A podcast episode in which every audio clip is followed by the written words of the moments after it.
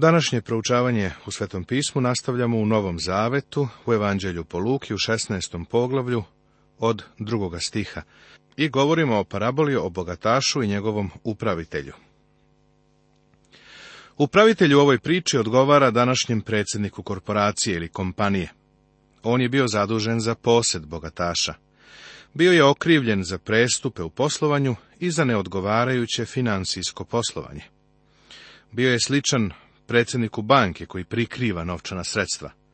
Nepravedni upravitelj je pročerdao imanje svoga gospodara. Tada ga dozva i reče mu, šta to čujemo tebi? Položi račun o svom upravljanju, jer ne možeš više upravljati. Došao je dan obračuna. Ovaj čovjek je morao da da izveštaj. Pa pošto je imao pečatni prsten svoga gospodara i pošto je bio blagajnik, Umjesto da prikaže financijski izveštaj, on je odlučio da upotrebi svetovni zakon radi samozaštite, odnosno samo očuvanja. A upravitelj reče u sebi, šta da uradim, jer je moj gospodar oduzima od mene upravu. Kopati ne mogu, stid me je da prosim. Ovaj čovjek je imao nežne ruke, pa je mislio da ne može biti običan radnik, a bilo ga je stid da prosi. Verovatno se smešiš dok čitaš ovaj stih. Čovjek se stideo da moli za milostinju, ali se nije stideo da krade. Nažalost, danas je mnogo takvih ljudi. Znam šta ću učiniti, da bi me primili u svoje kuće kada budem uklonjen sa uprave. Ovaj čovjek se nije pokajao, nije žalio, ni jadikovao zbog svojih postupaka. Ovaj čovjek je bio prevejan. Smatran je veštim po svetovnim standardima. Nije bio obučen za neki drugi posao, a i njegove godine su verovatno bile protiv njega. Bio je suviše ponosan da traži milostinju, ali se nije stideo svoga nepoštenja. I pozva dužnike, svoga gospodara, svakog pojedinačno, i reče prvom, koliko si dužan mome gospodaru? A on reče sto vati ulja. Reče mu, uzmi svoju obveznicu i odmah sedi pa napiši pedeset. Upravitelj je zapravo pitao koliko duguješ mome gospodaru, jer je ovaj čovjek dugovao sto barela ili vati ulja. Pa rekao je upravitelj, ulje je sada oko jednog dolara po barelu. Reći ću ti šta ćemo uraditi. Daću ti ga po 50 centi po barelu. Tako je ovaj čovjek imao da plati samo polovinu onoga što je dugovao. Zatim reče drugom, koliko ti duguješ? Ovaj reče, sto kora pšenice. Reče uzmi svoju obveznicu i napiši 80. Ne znam zašto ovom čoveku nije dao isti popust kao i prethodnom, ali ovaj je morao da plati 80% od vrednosti. Nepravedni upravitelj je baš bio poveliki prevarant na kraju kakav je bio i na početku svoje karijere. Nije kažnjen. I pohvali gospodar nepravičnog upravitelja što je mudro učinio, jer su deca ovoga sveta prema svom rodu mudrija od sinova svetlosti. Ovo je šokantna izjava. Ko je nju dao? Gospodar, upravitelja, njegov poslodavac, bogataš. Ovaj čovjek je očigledno došao do bogatstva tako što je koristio iste principe koje je koristio njegov upravitelj. Kaže mu da je mudro postupio. Kako? Na osnovu svetovnih principa. To je svet koji mrzi Hrista, on radi po sobstvenim pravilima. Zakon ovoga sveta je pas jede psa veća riba jede manju. Svetovni gospodar pohvaljuje svoga upravitelja za njegovu svetovnu veštinu, jer radi po svetovnim principima. Gospod Isus je rekao, jer su deca ovoga sveta prema svom rodu mudrija od sinova svetlosti. To znači da deca ovoga sveta koriste svoj novac mudrije nego deca svetlosti. Pa i ja vam kažem, načinite sebi prijatelje pomoću nepravednog bogatstva, da bi vas primili u večne stanove kad ono nestane. Najšokantnije, i najupadljivija izjava odnosi se na odnos vernika i mamona nepravednosti. Šta je to mamon nepravednosti? To su bogatstva, novac. Novac sam po sebi nije zlo, novac je amoralan. Ljubav prema novcu je koren svakoga zla. Za vernike novac mora da ima duhovno obeležje. Gospod je rekao da treba da sakupljamo blago na nebu. Treba da budemo mudri u načinu na koji koristimo novac. Onda kada smo neuspešni ili kada dođemo do kraja života, bit će nam ukazana dobrodošlica u nebu. Ko je veran u najmanjem, veran je u velikom, a ko je neispravan u najmanjem, neispravan je u velikom. Ako dakle niste bili verni u nepravednom bogatstvu, ko će vam poveriti istinito bogatstvo? Iako niste bili verni u tuđem, ko će vam dati vaše? Mi smo upravitelji materijalnih stvari. Kao vernici ne posjedujemo ništa. Bogu smo odgovorni za to kako koristimo njegova dobra. On kaže da su ljudi ovoga sveta mudriji od dece svetla u načinu upravljanja.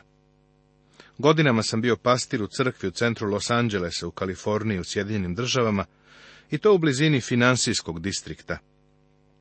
Godinama sam posmatrao mnoge ljude kako odlaze u kancelarije agenata i posmatraju kretanja na tržištu papira. Seli bi tamo ujutro i mozgali šta rade. Nisu ulagali u vrednosti sve dok ne bi mislili da im vrednost raste ili su se bavili spekulativnim poslovima. Jednom mi je jedan hrišćanin rekao da je zaradio novac baš kroz takve spekulativne poslove. Iz tog razloga nije prihvatio posao u crkvi. Ne znam kako se pomirio sa činjenicom da je uopšte član crkve. Bio je vešt u zarađivanju novca. Koliko je hrišćana danas pametno u korišćenju mamona nepravednosti, novca? Da li ga koriste da bi sakupili duhovno bogatstvo? Bog će te smatrati odgovornim za zloupotrebu materijalnog bogatstva koje ti daje. Lično znam program koji je sprovođen samo radi sebičnog interesa jednog pojedinca.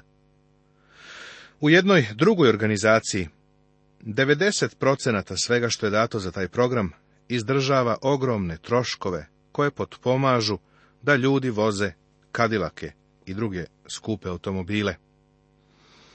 To znači da treba da daš sto dinara da bi deset dinara dobio siroti čovek o kome ti oni govore. Nešto nije u redu sa načinom na koji hrišćani daju svoj novac.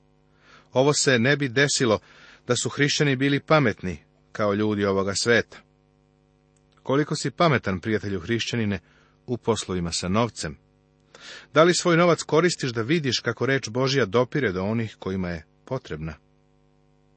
U paraboli o nepravednom upravitelju, gospod Isus kaže, Misliš li da će ti Bog poveriti nebesko blago, ako ne koristiš ispravno ono što ti je dao na zemlji? Novac ima duhovni smisao. Odgovoran si ne samo za davanje, nego i za investiranje novca, tamo gdje će on doprinijeti najvećim dividendama, da bi ljude dosegnuli za Hrista. Nijedan sluga ne može da služi dva gospodara, jer ili će jednoga mrzeti, a drugoga ljubiti, ili će jednom biti privržen, a drugoga prezirati. Ne možete da služite Bogu i mamonu. Šta radiš sa novcem? Da li zarađuješ? Ako to činiš, šta sa njim radiš? Ovo je umesno pitanje.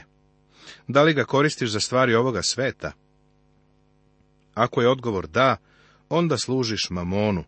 On je tvoj gospodar. Služiš li Bogu ili mamonu? Ne možeš služiti obojci. Isus odgovara pohlepnim farisejima. Fariseji su počeli da se osjećaju okrivljenima. A sve ovo slušali su fariseji koji su bili srebroljupci i rugali su mu se. I reče im, vi se predstavljate pravedni pred ljudima, ali Bog zna vaša srca, jer što se među ljudima smatra kao nešto visoko, pred Bogom je mrzost. Zakon i proroci su bili do Jovana. Od tada se propoveda evanđelje o carstvu Božijem i svako navaljuje da uđe u njega. Ali je lakše da nebo i zemlja prođu, nego da propadne jedna crtica iz zakona. Bog je znao srce fariseja, Bog zna i tvoje srce. Bog poznaje moje srce. Pred svakim drugim možemo da se pretvaramo osim pred Bogom. Božijim standardima ne možemo uzrasti. Isus govori o razvodu. Preljubu čini svaki koji otpuštaš svoju ženu i ženi se drugom, i ko se ženi otpuštenom, čini preljubu. Da su ovo jedini stihovi u pismu o razvodu, onda za hrišćane ne bi bilo razvoda. Ovaj stih treba da se uporedi sa Matejem 19. poglavljem i prvom poslanicom Korinčanima sedmim poglavljem. Mora da se razmatra celokupno pismo u vezi sa određenom temom, da bi se ustanovila istina. Gospod je o ovoj temi govorio ljudima koji su bili pod zakonom, jer su oni potcenjivali Boži zakon. Isus pripoveda događaj o bogatašu i Lazaru. Sada smo stigli do još jedne velike parabole koju samo Luka izlaže. Ne verujem da je ovo izmišljena priča. Verujem da je nju gospod izvukao iz stvarnog života, baš kao i u vezi sa drugim parabolama. Isus je koristio ilustracije koje su bile bliske njegovim slušaocima. Oni su tačno znali o čemu on govori. On koristi ime jedne od osoba koja je uključena u ovaj događaj. Gospod ne bi naveo ime nekoga ko ne postoji. A bio je neki bogat čovek koji se oblačio u skerlet i skupoceno platno i veselio se sjajno svaki dan. Ovo je priča o bogatašu koji je živeo i umro bez Boga. Ona prelazi u oblast o kojoj ne znamo ništa. U ovoj priči gospod prelazi iz ovog sveta u sljedeći, a pritom uopšte ne pravi nikakav prekid. Iako ne možemo da provirimo kroz zavesu koja se nalazi između ovog i budućeg života, gospod o tom životu koji sledi govori potpuno prirodno, kao i o ovome u kome se nalazimo. Kada se čovek prepusti svojoj mašti, on teži ka pronalaženju mnogih izuma, a na osnovu svojih najdivljijih snova čovek stvara neograničeno umovanje. Kada čovek koristi svoju maštu, upada u nevolju. U ovoj priči saznajemo ono što nam govori Božja reč. Postoje samo četiri čoveka koja su sa autoritetom govorila o drugoj strani života, o životu nakon smrti. Gospod Isus, Lazar, Jovan kome je dato otkrivenje i Pavle, koji je bio odnesen na treće nebo. A pred njegovim vratima ležao je jedan siromah po imenu Lazar, pun čireva želeći da se nasiti onim što je padalo sa bogataševe trpeze. Uz to su i psi dolazili i lizali njegove rane. Evo ovdje dva čoveka koji se nalaze na dva kraja društvene i financijske lestvice, a pretpostavljam i svake druge lestvice. Jedan od njih predstavlja vrh u bogatstvu, a drugi predstavlja samo ekstremno dno u siromaštvu. Dva čoveka ne mogu biti udaljenija nego što su ova dvojica, i to u svakom smislu. Ovaj siroti čovek je zavisio od mrvica, koje su padale sa stola bogataša. Nikada ga nisu pozvali da sedne za sto bogataša, morao je da se drži niskog mesta. Psi su dolazili i lizali njegove rane.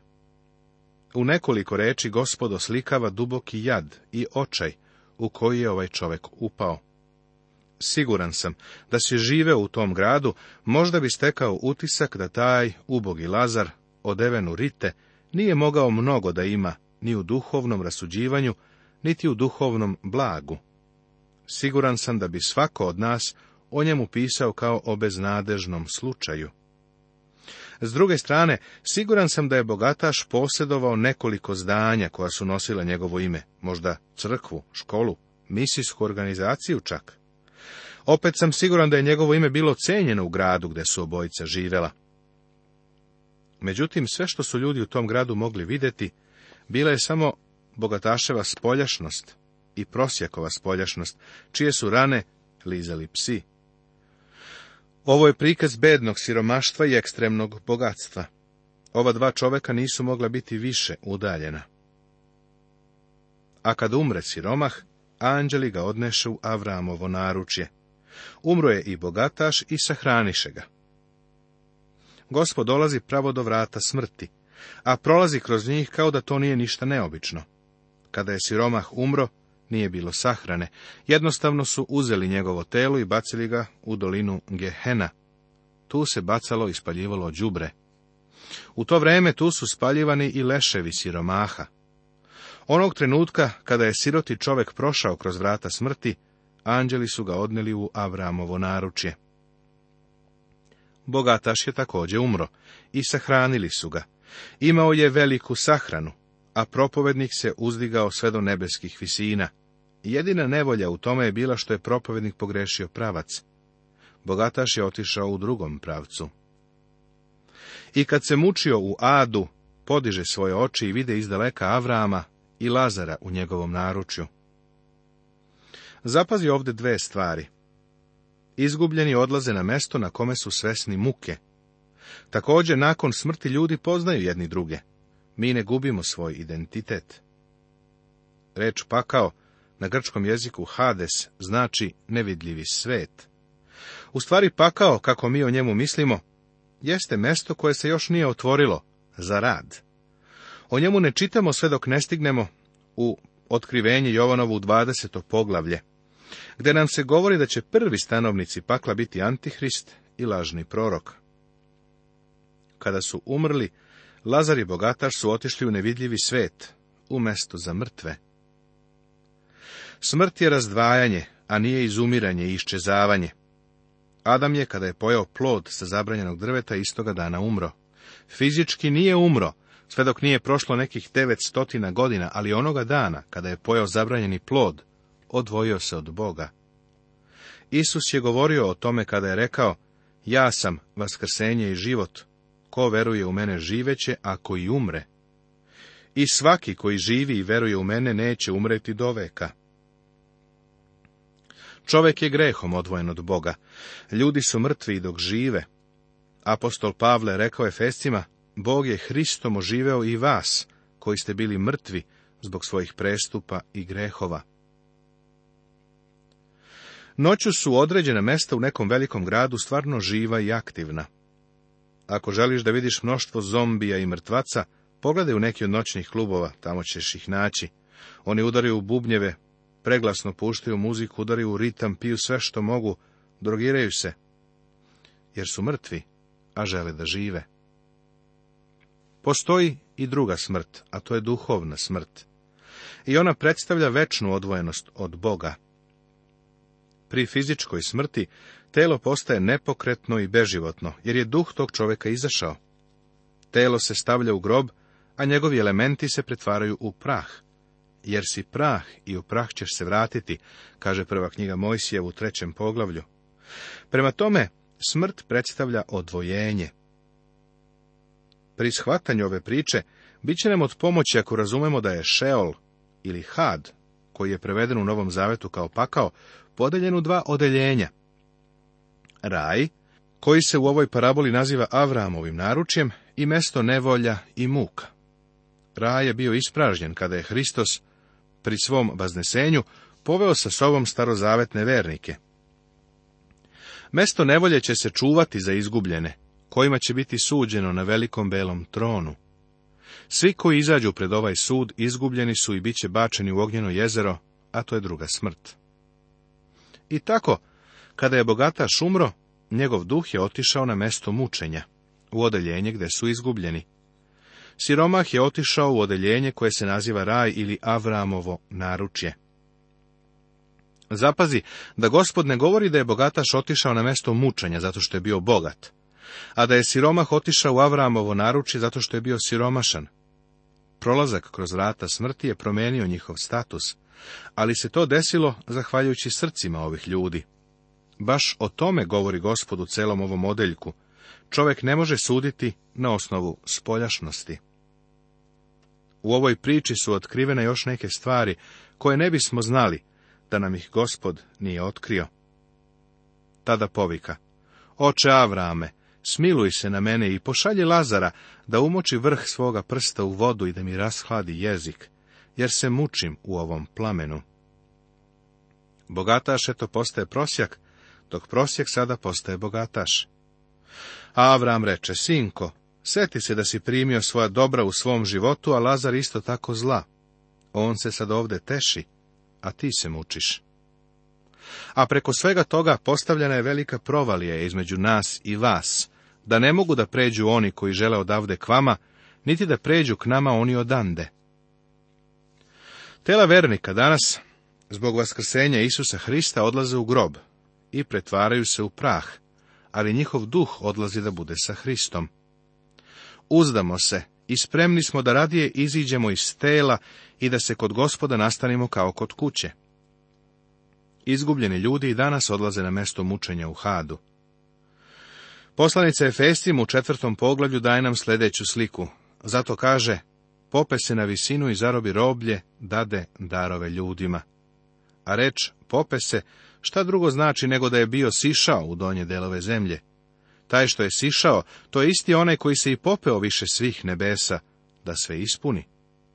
Drugim rečima, kada je gospod, nakon raspeća na krstu, sišao u had, ušao je u rajsko odeljenje, ispraznio ga i sve odveo u Božije prisustvo. Danas nikoga nema u rajskom odeljenju Hada. Jedini deo Hada koji je još pun jeste mesto mučenja, mesto na koje odlaze nevernici kad umru. Dolazi dan kada će Had biti bačen u ognjeno jezero, pa ljudi više neće tamo odlaziti. Telo je prosto fizička kuća u kojoj živimo. Pri smrti preseljavamo se iz stare kuće. Nakon što stara kuća biva napuštena, sa njom možeš činiti šta god hoćeš, ali je važno ono što se dešava duhu nakon što on napusti telo. Gde odlazi duh? Nebo je prijatelju mesto i onog trenutka kada umreš otići ćeš ili da budeš sa Hristom ili ćeš otići na mesto mučenja, gde će ti se na kraju suditi i bit ćeš bačen u ognjeno jezero. Stvar je u tome da Bog nikada nije imao nameru da smrt bude kraj ni jednog pripadnika ljudskog roda. Ognjeno jezero je načinjeno za đavole i njegove anđele. Ti sam biraš svoje konačno odredište. Ovdje je postavljen veliki jaz, gospod to tako jasno potvrđuje. Nastavit će se.